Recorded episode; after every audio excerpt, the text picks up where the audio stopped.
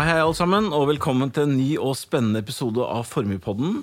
I dag skal vi snakke om ingen annet enn norsk økonomi, og da er vi så heldige å få besøk av Erling Rød Larsen. Velkommen. Ja, takk for det. Eh, vi har eh, juksa litt i dag, Erling. Vi har jo sittet og prata litt i studio her. Så, og, og, den røde tråden her, tror jeg, tror jeg at her, her må det passe tid, passes på tiden. For jeg tror ikke vi kommer til å gå tom for temaer. Nei, jeg tror Hvis vi skulle fått snakke om det vi snakka om tidligere, så måtte vi ha to timer. I hvert fall, eller to dager. Eh, jeg ser allerede at det er behov for eh, en utøkning av eh, Erlings engasjement i poden her. Vi skal nok allerede snakke om å ta en pod litt senere i år om norsk boligboble, som mm. i seg selv er en fengende headline. Men det, det rekker vi ikke i dag, Erling. Vi skal snakke om norsk økonomi. og Innledningsvis tenkte jeg å høre, du har jo allerede eller du har et engasjement for formuesforvaltning og er ofte med på ulike arrangementer i deres regi. Så du er jo ikke noe nytt ansikt for eh, mange av lytterne våre. Men kan du ikke likevel fortelle litt om deg selv og din hverdag? Jo, det kan jeg godt. Nå har jeg blitt uh, nylig ansatt uh, forskningssjef i noe som heter Housing Lab. Det er et forskningssenter som ligger ved Oslo OsloMet. Der skal vi forske utelukkende på boligmarkedet.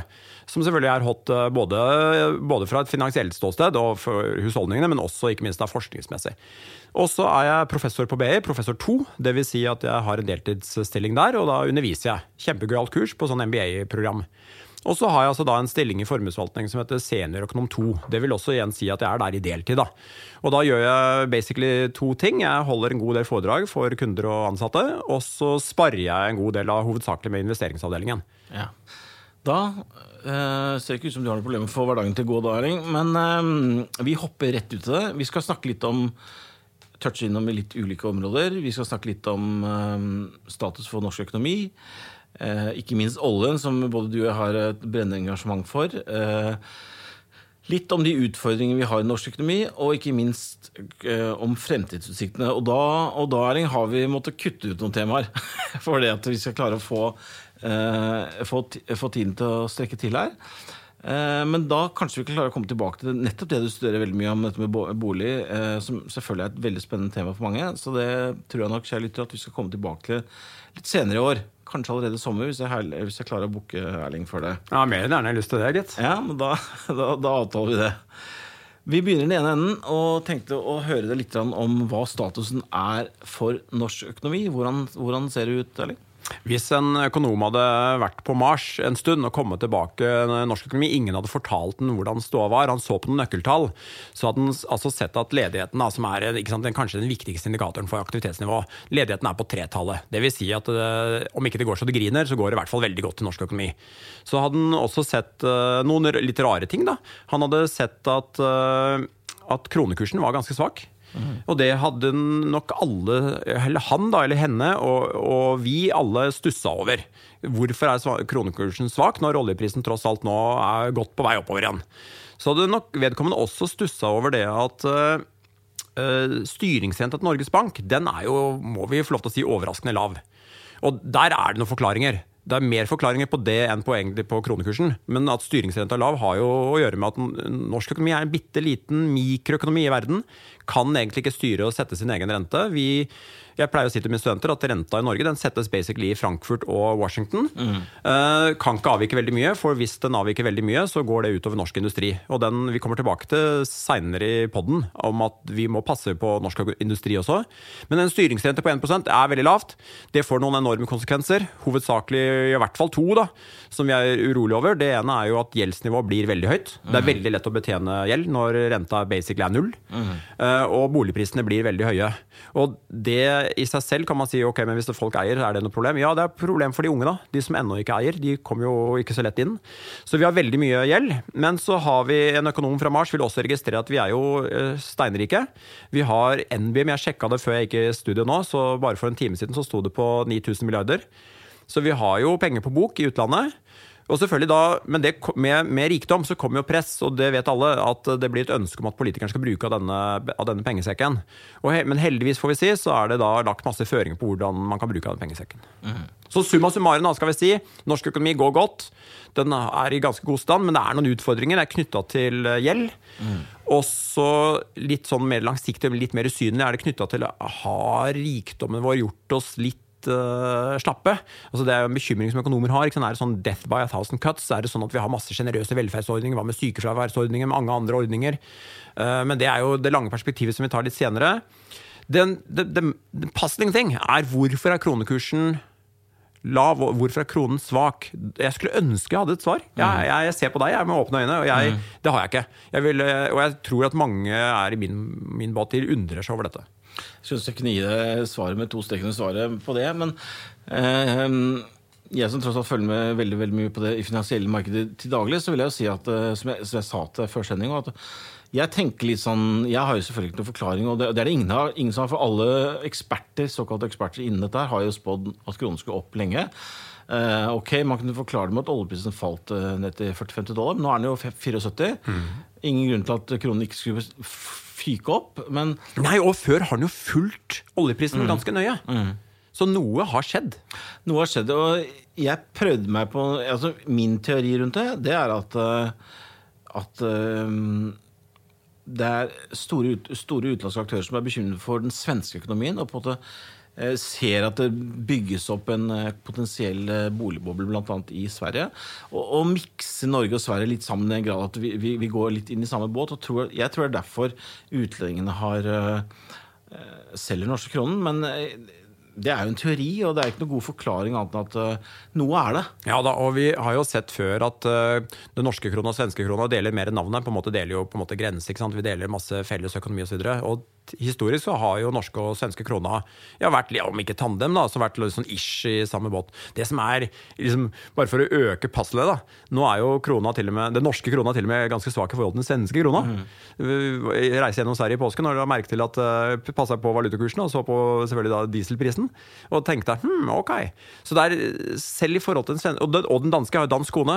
Selv i forhold til den danske også, så er, er den norske krone svak, altså. Skulle, ønske, skulle virkelig ønske jeg visste det. og hadde hadde selvfølgelig visst det, så hadde vi tatt posisjon. Long eller short. eller antagelig nå jeg regner med long, da. Men, eh, men, eh, men vi tør ikke å gjøre det, fordi vi, valutakurser det er farlig å prøve seg på. altså. Det kan jeg fortelle alt om. Jeg har prøvd på det mange ganger før. Men Da må man bare ikke glemme at det er to ender. Mm. Man tror liksom at man har kontroll på den ene, da. Eller i hvert fall en teori med den ene. Mm. Men øh, øh, jeg har jo annet investert i bolig i Spania. og og vurderte da å ta lån i euro, for jeg syns euro nå på 9,6, 9,70, 9,8 det, mm. det, føles så høyt. At jeg tenker at Hvis du har lån da, mm. så bør, kan det lånet bli mindre. det faktisk. Ja, og jeg, hører, men, jeg er enig med deg. Men det, det, har ikke skjedd. Nå har jeg ikke gjort det, da, for det var så dyrt å låne i Spania. De, de er ordentlig Altså det å, bare for å touche 30 sekunder om det Det å låne penger i Spania for å kjøpe bolig i Spania, det kan du bare glemme. De skal ha 1% for å etablere lån, og de skal ha exit-fee når du selger. Nei, det var helt komisk. Så det, det hoppa jeg over. Og Nordea, faktisk, som jeg hadde som valutagreier i, det, de har slutta med det. Så nok om det. Men øh, norsk kronen, den, den, tror jeg nok vi kommer til å fortsette å måtte klø oss litt i huet på. Og kanskje må vi være forberedt for noen overraskelser på et eller annet tidspunkt. da, ikke sant? At uh, Det som i hvert fall i vår bransje vi tenker, er jo at sånne ikke-lineære hendelser Vi tenker jo ofte at det er smooth i økonomien, at det, ting går trinnvis. Men når ting er litt uforklarlige, så har de en litt tendens til at de kan overraske deg ganske kraftig på et eller annet tidspunkt. da. Så bare folk og lytterne har det i bakhodet at uh, don't be too surprised da, hvis det plutselig skjer noe med norske krona. Fordi vi syns det nå er på et rart nivå og har vært det lenge. Og så uh, En annen ting som jeg synes er litt interessant Hvis vi skal overføre noe av dette til aksjer, da, så er det ofte sånn at du kan, at du kan ofte, eller av og til, se unormale ting i aksjer, selskaper, hvor aksjekursen er veldig lav, og du ikke skjønner prisingen og sånn. Mm. Men dessverre så har det en tendens til å få det svaret ned i løypa. Mm. At det er et eller annet som andre har sett som du ikke helt har forstått. Og, og det, det, er egentlig en litt, liten bekymring, da om norske kroner er så svak at liksom, kanskje det kommer en litt røffere, røffere vei ned i løypa i norsk økonomi. Ja, ikke sant? Og dette har jo litt å gjøre med at uh, akkurat som aksjemarkedet og, og valutamarkedet og en del uh, aktivklasse, så er det litt sånn at uh, prissetting er jo litt sånn at en person gjetter ikke bare på sin egen på en måte fundamental verdsetting, men den gjetter også på hva andres uh, verdsettinger er. Mm. Og ikke bare det, men gjetter også på andres gjetninger på andres gjetninger. Mm. Så det er en, det er en innfløkt system av, av prediksjoner da, på hva andre gjør. Og bare prøv å smake på ordet liksom, gjetninger på andres gjetninger om andres gjetninger. Mm. Det, er, det, er, noe der som innebærer at det kan legge seg opp til sånne det vi sier er ikke-lineære effekter. Mm. For jeg tenker også sånn liksom Hvis du shorter norske kroner, så tenker jeg sånn når alle andre tror at den skal opp, så tenker jeg at det er et ganske tøft bett å ta. Da Så da må du være ganske trygg på at det er noe Så det er det eneste Jeg har den tanken i at Da er det kanskje et eller annet som kommer ned i veien som ikke vi ser nå. Ja, så, det, så Kanskje kan det være sånn at mange inntil videre tenker ok, jeg sitter litt på gjerdet, men på et eller annet tidspunkt da, så tar alle setninger at alle vet at alle setninger om alle setninger er at det er long. Og da vil det Ja. bli realisert, da. Ikke? På, på, om ikke no time, så i hvert fall ganske kort tid.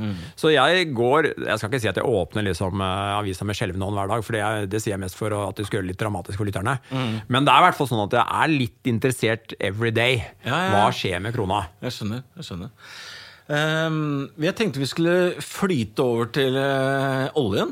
For det, det er det ingen tvil om at uh, er den største bidragsyteren i norsk økonomi. Og har vært det nå i basically 50 år. Og en Ja. morsom historie å snakke om. Og jeg har jo studert eh, på Berkeley, som vi snakket om før, eh, før sending. Begge av oss har faktisk studert i USA, og eh, vi er vel begge enige om at det er umulig å bo i USA i fire-fem år uten å bli fan av USA. Så vi er begge fan av USA. Da spilte jo jeg tennis for Arizona. Vi slo heldigvis alltid Berkeley. Ja, og, Så det var bra. Ja, og, og jeg var nerd som satt uh, på Statistics Economics Department og bare og, og leste. Men altså, når det er sagt, dette var California, så jeg fikk tid til litt annet moro. Altså. Blant annet hadde jeg en Harley Davidson. Men det er en annen historie. Yes. Det som uh, var gøyalt å være student i USA, var å høre om hvordan utenlandske professorer så på norsk økonomi. Fordi de, de så på norsk økonomi og hvordan vi har håndtert oljerikdommen med, med stor eh, altså, Beundring? beundring, rett og slett. Og som han ene professoren sa, this is basically impossible to do what they did. Og det han mente da, var at Norge la jo en plan på 70-tallet om at de skulle først investere noen voldsomme store investeringer for et bitte lite land. Vi var jo mer forgjelda takket være disse investeringene enn Hellas i rundt 1980. Ikke sant? Vi måtte jo kjøpe noen enorme rigger, som i forhold til lille, bitte norske økonomi var, var en, innebar en svær gjeld.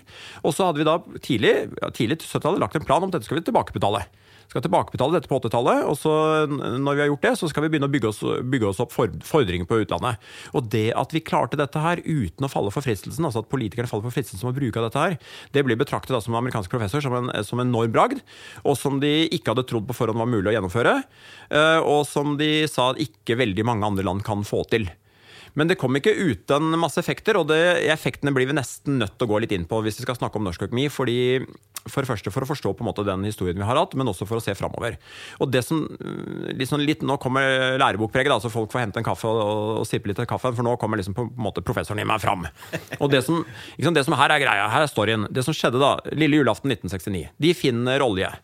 Og det er jo Hollywood-skript. ikke sant? Det var jo i ferd med å pakke snippet og dra hjem, og så finner liksom siste forsøk før julaften, så finner de olje. ikke sant? Det kunne ikke blitt bedre. Og da er det jo sånn at på det tidspunktet hadde norsk økonomi egentlig to, to sektorer. ikke sant? De hadde en konkurranseutsatt sektor.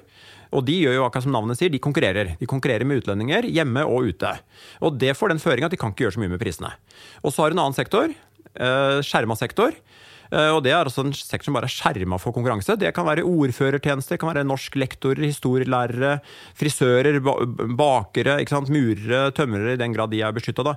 Alle sektorer som ikke konkurrerer med utlendinger. Så kommer en ny sektor, oljesektoren, og de skal jo ha selvfølgelig kapital. Det får de lån, lån på til utlandet, kan hente riggene i utlandet, men de må ha arbeidere.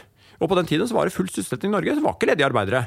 Og det er ikke sånn som man kan gjøre i noen økonomi, at vi bare kommanderer 100 000 arbeidere fra et sted til en annen. Sånn funker jo ikke en moderne markedsøkonomi. Så det som må skje for at du skal flytte på arbeidere, er at du må ha konkurser. Noen må gå konkurs for å frigjøre arbeidere. Så det blir blir en konkurranse om arbeidskraften. Og det som skjedde var at selvfølgelig at oljesektoren har jo alle mulige gode marginer, så de kan by på lønningene.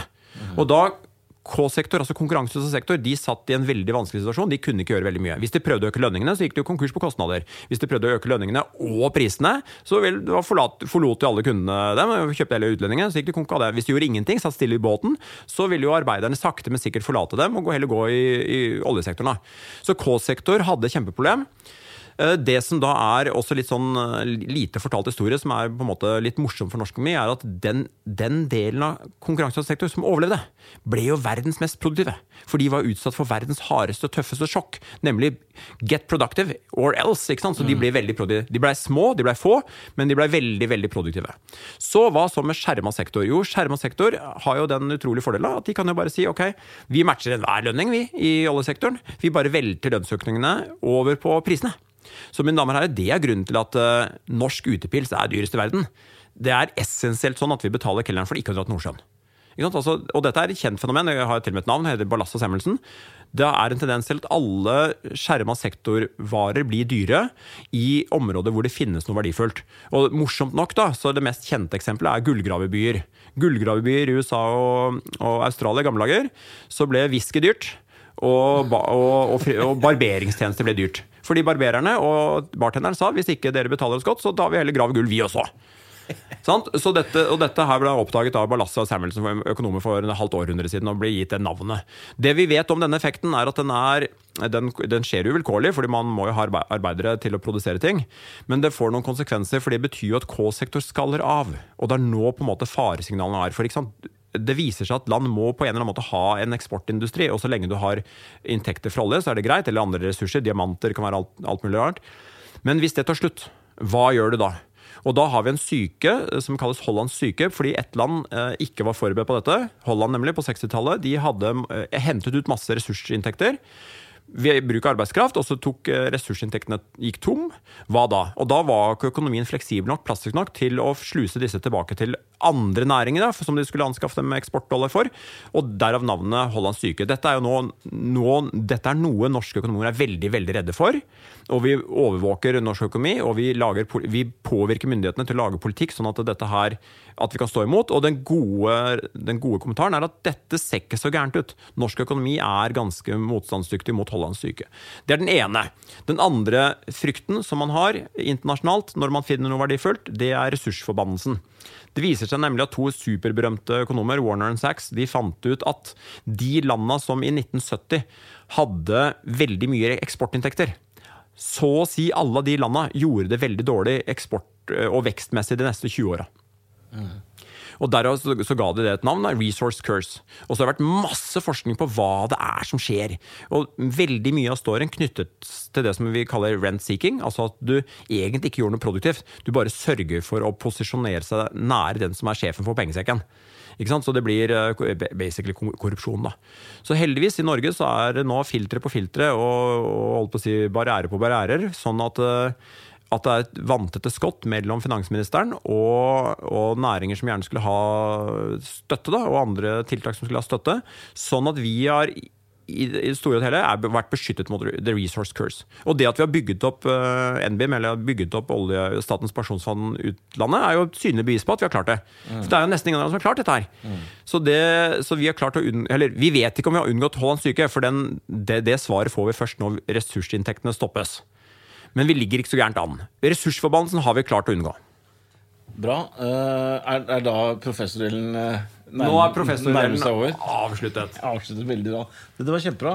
Uh, fordi at Ref, det du sa om oljen skal ta slutt, så kan vi jo, før vi, før vi blir for bekymret og snakker om hva vi skal gjøre når oljen tar slutt, så kan vi jo også, for, for å ikke skremme vettet av lytterne her, ja, ja. tenke si at det er ikke helt over ennå. Nei, det er det. Ikke sant? Olje, altså, olje, oljeæraen er på langt nær over. Ikke sant? Vi skal, vi skal, både hente opp olje og selge olje en god stund. Og ikke bare det, vi, jo, vi har jo også gass. Som en voksende del av eksportinntektene, og som kommer vi til å selge. Altså Nå er det vanskelig å gjette, da, men jeg er jo Jeg skal ikke si at jeg er en gammel mann, men jeg er en godt voksen mann. da, og jeg tror nok ikke at jeg får oppleve at liksom måte olje- og gassæraen er over. Så det sjekker min levetid, altså. Det tror ikke jeg heller. Helt riktig. Og, det, og, dette med gass, som eh, folk kanskje ikke er så um, opplest på, så er det sånn at f.eks. Equinor, da, eller gamle Statoil, er jo halvparten av inntektene deres er jo faktisk gass. Uh, og det snakkes mer og mer om dette med Vi skal ikke gå inn på for mye om dette med LNG og LPG og alt dette her, som gjør at uh, det ser ganske godt ut for norsk økonomi de neste årene på inntektssiden med tanke på olje, olje, olje og gass. Helt riktig. Det, så det, det ville være en veldig rar assessment av norsk økonomi også ikke på en måte peke på at uh, olje- og gassektoren i, de lever i beste velgående. Så er jo jeg i masse disputter og debatter med både studenter og andre kollegaer om på en måte oljens plass. da, ikke sant? Både, en ting er den, det vi kan kalle den deskriptive, altså den beskrivende delen, uh, hvor den er en stor del. Så er den normative, altså hvor stor burde denne delen ha. Og da er det jo det, Jeg tror nesten ikke vi kan gå inn på det, for det er jo selvfølgelig mange synd. Den ene er jo den på en måte vi burde legge ned i dag og, mm. og slutte. Uh, Men da vet vi, og det må jo bare poengtere da, som litt sånn kjedelig økonom, at det, vil, det er behov for energi der ute i verden, uansett hva vi i lille Norge gjør. Og så er spørsmålet om den energien, hvor ren den blir av at norsk økonomi slutter å selge olje. Man kan lett føre et argument for at da blir faktisk verdens energisammensetning enda dårligere enn den er. Altså ikke sant at det er kullkraftverk andre som overtar. Hvis det er sånn at eh, norsk olje blir erstattet av vindkraft på natta, vel, da blir det bedre. Men om det skjer, det, jeg tror ikke det. Men dere hører på min på en måte nøling med å gå inn i denne debatten, at det er noe med å være en det vi kaller liksom en hard-headed med et soft-hearted eh, economist. Da. Altså at vi har et hjerte for miljøet, men at det er rett og slett en hard og tøff kjensgjerning at eh, verdens energisammensetning sakte, men sikkert må snus. Det, det skal Norge bidra til, men vi kan ikke klare over natta å gjøre det ved å legge ned norsk oljeeksport. Vi kan bruke vår, vår makt kanskje på litt snedigere måter enn det. Og hvis vi ser på Equinora, så ser vi jo at de posisjonerer seg nå for både vindkraft og har sikkert tanker om solenergi ikke sant? og en rekke andre energiformer. Da. Men at dette tar tid, og at vi må på en måte bidra vårt lille øh, ja, i, i, i trinnvise forstand. da.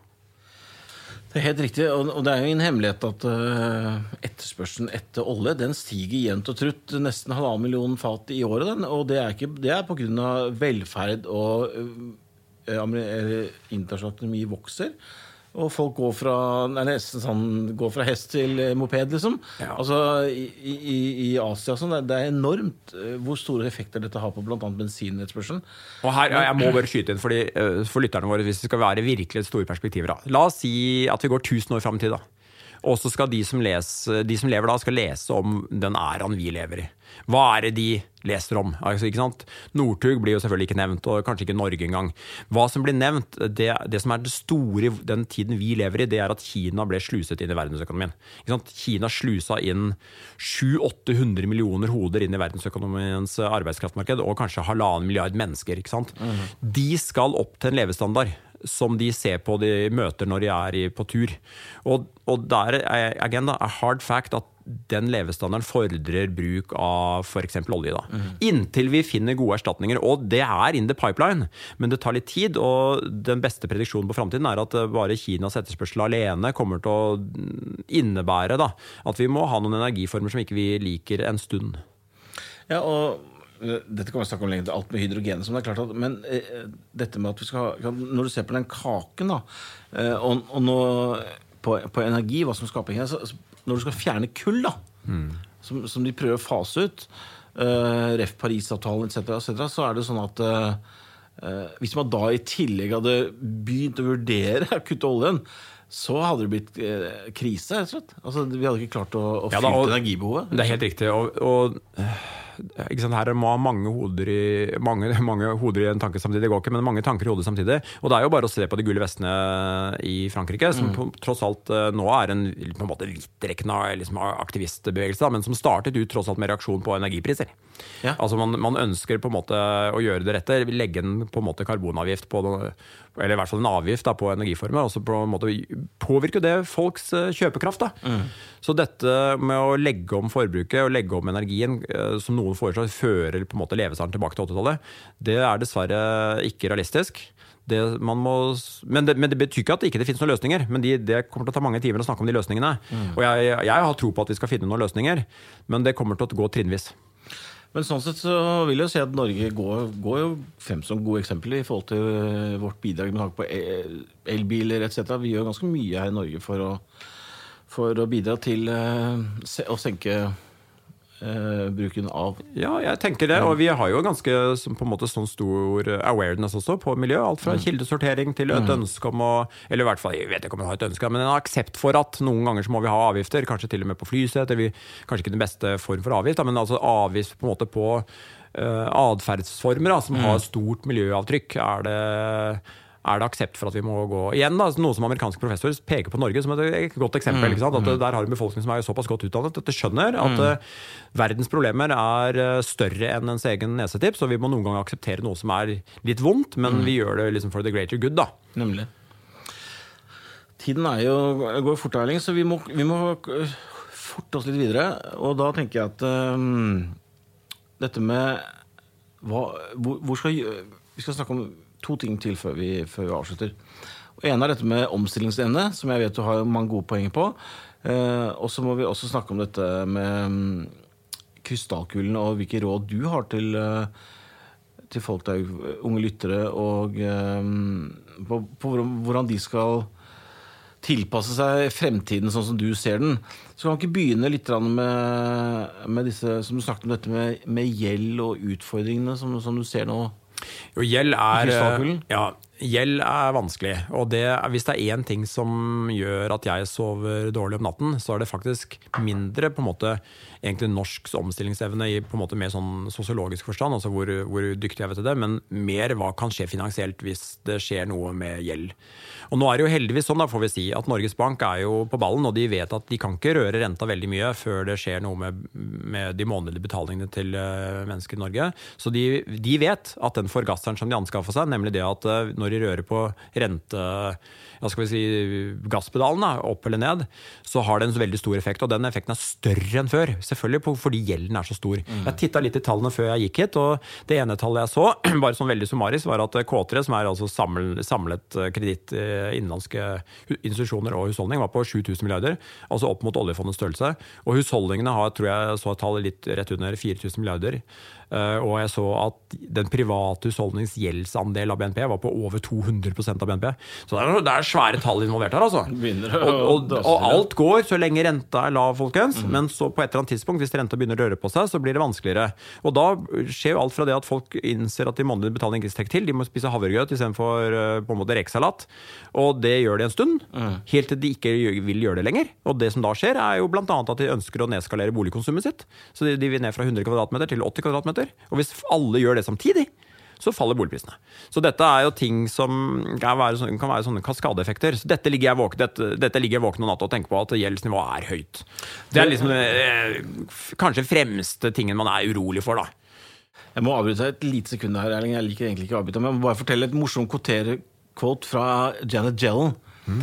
Eh, James Powell er jo nå sentralbanksjefen i USA, men når Janet Jellen var den foregående ikke av, så fikk hun et spørsmål av Besi, tror jeg. Uh, What keeps you awake at night? Mm. Og da sa hun Something that keeps us awake every night is our debt. Ja, really. Så, så det er ja. godt selskap. Så det er godt selskap. Så, er jo, det er jo, de er bekymret for Økonomer er jo betalt for å være bekymret, så vi er selvfølgelig bekymret. og, og, vi er liksom party poopers, og det er jo én ting er gjeld, altså. Så det, det, er på en måte den, den, ene tingen. Så må vi bare håpe på at her finnes det ordninger og løsninger som vi kan gjøre at vi kan gradvis på en måte håndtere dette. Nemlig ved at eventuelle renteøkninger kommer veldig gradvis og smoothe. Mm. Eh, vi tror jo at renta nå er lavere enn normalrente renta, men det er jo anybody's guess hva som egentlig er normal renta. Når det gjelder andre ting å tenke over, så er det egentlig altså, så er det morsomt å si da, at de bekymringene man kunne ha, de egentlig kan eh, Hva er ordet? De kan avvises, eller de kan liksom snus til noe egentlig positivt. Og da tenker jeg selvfølgelig på dette her at Jeg nevnte jo i sted dette her med eh, Hollands syke. Altså hva skjer hvis våre ressursinntekter blir mindre, da? De vil ikke gå til null, men oljeinntekter og gassinntekter kanskje blir, eh, blir mindre. Hva da? Og hvis vi gjør som hadde Hvis vi havner i Hollands syke, så skjer altså det som skjedde i Holland, nemlig at du plutselig har en rekke overkapasiteter. Du skal flytte på arbeidskraft. Og så er det koker ned til hvor, hvor gode i Norge er vi til å flytte på arbeidskraft. Og Da tenkte jeg skal starte med noen på en måte, kalle det små bevis på at vi er dyktigere til det enn mange tror. Starte med kanskje nesten det morsomste eksempelet. Det var noen år tilbake. da. Så Nå hadde vi et oljeprisfall for fem år siden, så litt før det så hadde vi en morsom sesjon på et, på et julebord på BI hvor vi hvor vi på en måte utfordra hverandre litt. Vi, når professoren er samla, så når, hvordan har vi det moro? Jo, vi diskuterer noe crazy, og så tar vi én øl. Vi tok én øl, og så begynte vi å diskutere noe crazy. Og da ble det foreslått at vi kunne diskutere oljeprisfallet. da. Mm. Og da syntes jo folk det var veldig crazy. Det, folk ville nesten ikke tenke tanken på at oljeprisfall på ned til 50 dollar, fordi da var det jo 115. Men vi på en måte, ok, we went for it, og så mm. diskuterte vi. Og da nå var det selvfølgelig noen som var mye mørkere til sinns enn andre da, men det var ingen som trodde at dette ikke kom til å bli en, et, et, enormt sjokk for mm. norsk økonomi. Altså Vi gjettet på for eksempel, igjen da, som jeg sa, den fremste aktivitetsindikatoren, eh, altså ledigheten. Hvor mange vi var ledige. Og jeg tør nesten ikke å rapportere de tallene jeg hørte. Men altså det var høye, høye tall. Det var opp mot jeg tror det var snakk om over tosifra for noen. Dette var dramatiske ting. Også, også mens vi tenkte heldigvis er dette hypotetisk. Ja. Og så morsomt nok da, så gikk det jo ikke lang lang tid. Ja, ja, gikk det jo ikke lang tid før oljeprisen faktisk falt. Og den falt ikke bare til 50 dollar, den falt til 29 dollar. Og da skulle man ha trodd, da, gitt på en måte økonomers assessment, da, at dette blir vanskelig. Og, så, og fasiten har vi nå. Det er fem år siden. Vi vet at ledigheten ikke engang bikka 5% Så hva skjedde? Jo, det som altså Nå skal vi passe på å ikke være altfor sånn eh, selvgod da, og si at jo, no, hva sa jeg, liksom, for det, det ville være å lyve.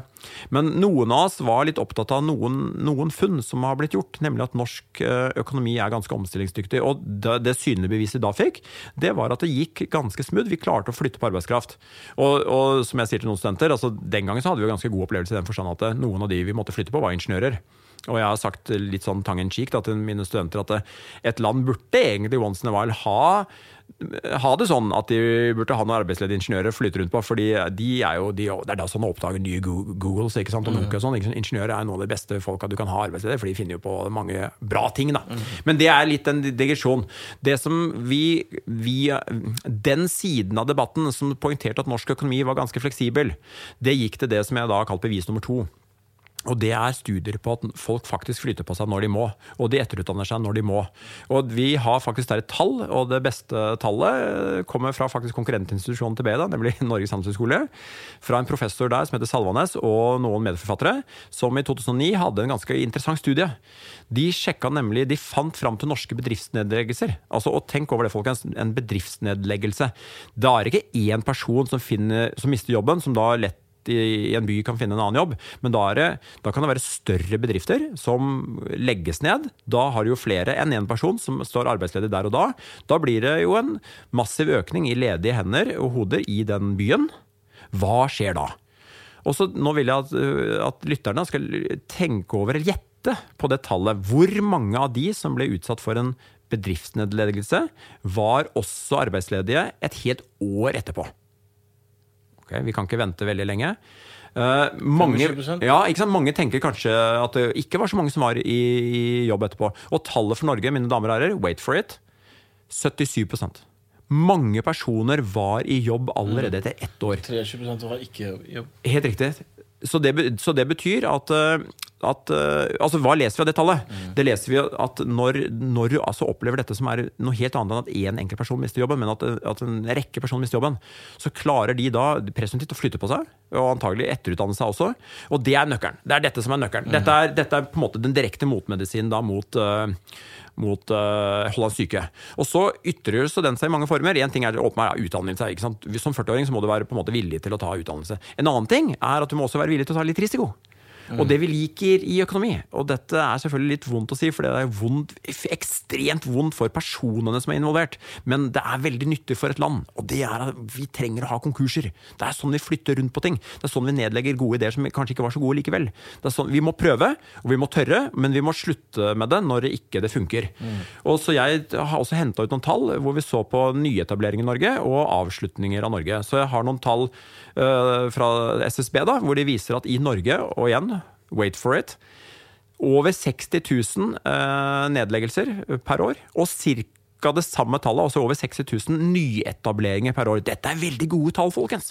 Dette er tall som Det er ikke mulig å tolke dette eh, som noe annet enn at når norsk økonomi omstiller seg. Inniblant disse nyetableringene, så er, om ikke det er ny Nokia eller Google, så er det Og kanskje ikke engang et nytt Equinor, men det er, altså, det er nye ting som starter opp. da. High-tech vision, altså det er, det er mange ting som starter opp her. Og det er, Hvis det tallet hadde vært mye lavere, så hadde vi selvfølgelig vært bekymret. Så når vi da i sum ser Vi har et empirisk bevis for at Norge faktisk motsto oljeprisfallet. Vi har tall fra forskningen som viser at folk øh, finner seg nye jobber. Og vi ser da at på etableringer og avslutninger av firmaer at det er stor aktivitet. Dette i sum får meg til å påstå at øh, jeg tror at norsk økonomi er ganske plastisk. Den kan stå imot eh, krav om endringer mer enn vi kanskje faktisk nesten hadde trodd. Så Sånn sett er dette gode nyheter for Norge. Og en oppfordring til, selvfølgelig til politikere og andre om å gjøre det enda bedre. ikke sant? Gjøre det enda enklere å etablere, gjøre det enda enklere å flytte på seg. Gjøre det kanskje enda enklere å omskolere seg i moden alder. Altså F.eks. at du får en eller annen form for ja, en insentiv. da, altså en eller annen form for At du får eh, et løfte om at eh, som 40-åring så får du lov til å ta ett eller to år med gunstig finansiering av en etterutdanning. Ja, nemlig. Så, men nøkkelord her er eh, Omstillingsevne, ja. omstillingsdyktighet, skaper innovasjon. Mm. Eh, og ikke minst eh, så, eh, dette med utdannelse er viktig.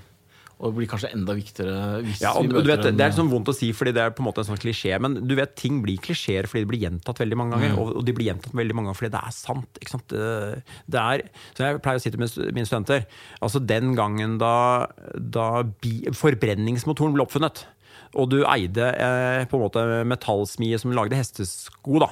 Da burde du tenkt oi, dette, nå må jeg omstille meg. Og da har du to måter. Du kan gjøre det sakte, men trutt med å lage, eksperimentere med gummi. Eller sånt noe. Eller du kan gjøre det fort. Du kan gå tilbake til skolen, finne noen som er ekspert på dette, finne noen professorer som kan overføre den kunnskapen til deg veldig raskt. og Ikke helt smertefritt, da, men, men relativt smooth. da. Kompakt. Ett år, to år, og så kan du plutselig noe annet. Du kan programmere, du kan eh, gjøre andre ting. Dette og i- også, min ublu påstand er at de landene som får til dette godt nok, ikke, altså ikke bare utdanne 20-åringer, men også etterutdanne 40-åringer, det er framtidens vinnere. Da tror jeg vi avslutter her. Det var veldig interessant og, og kult at du kom til oss, Erling. Eh, Ja, takk skal du ha. Og nå tror jeg at vi kanskje har klart å booke deg Jeg skal snakke litt med folk på bakrommet her og få booka inn en sommerepisode med norsk boligboble, for det syns jeg er et kjempespennende tema. back.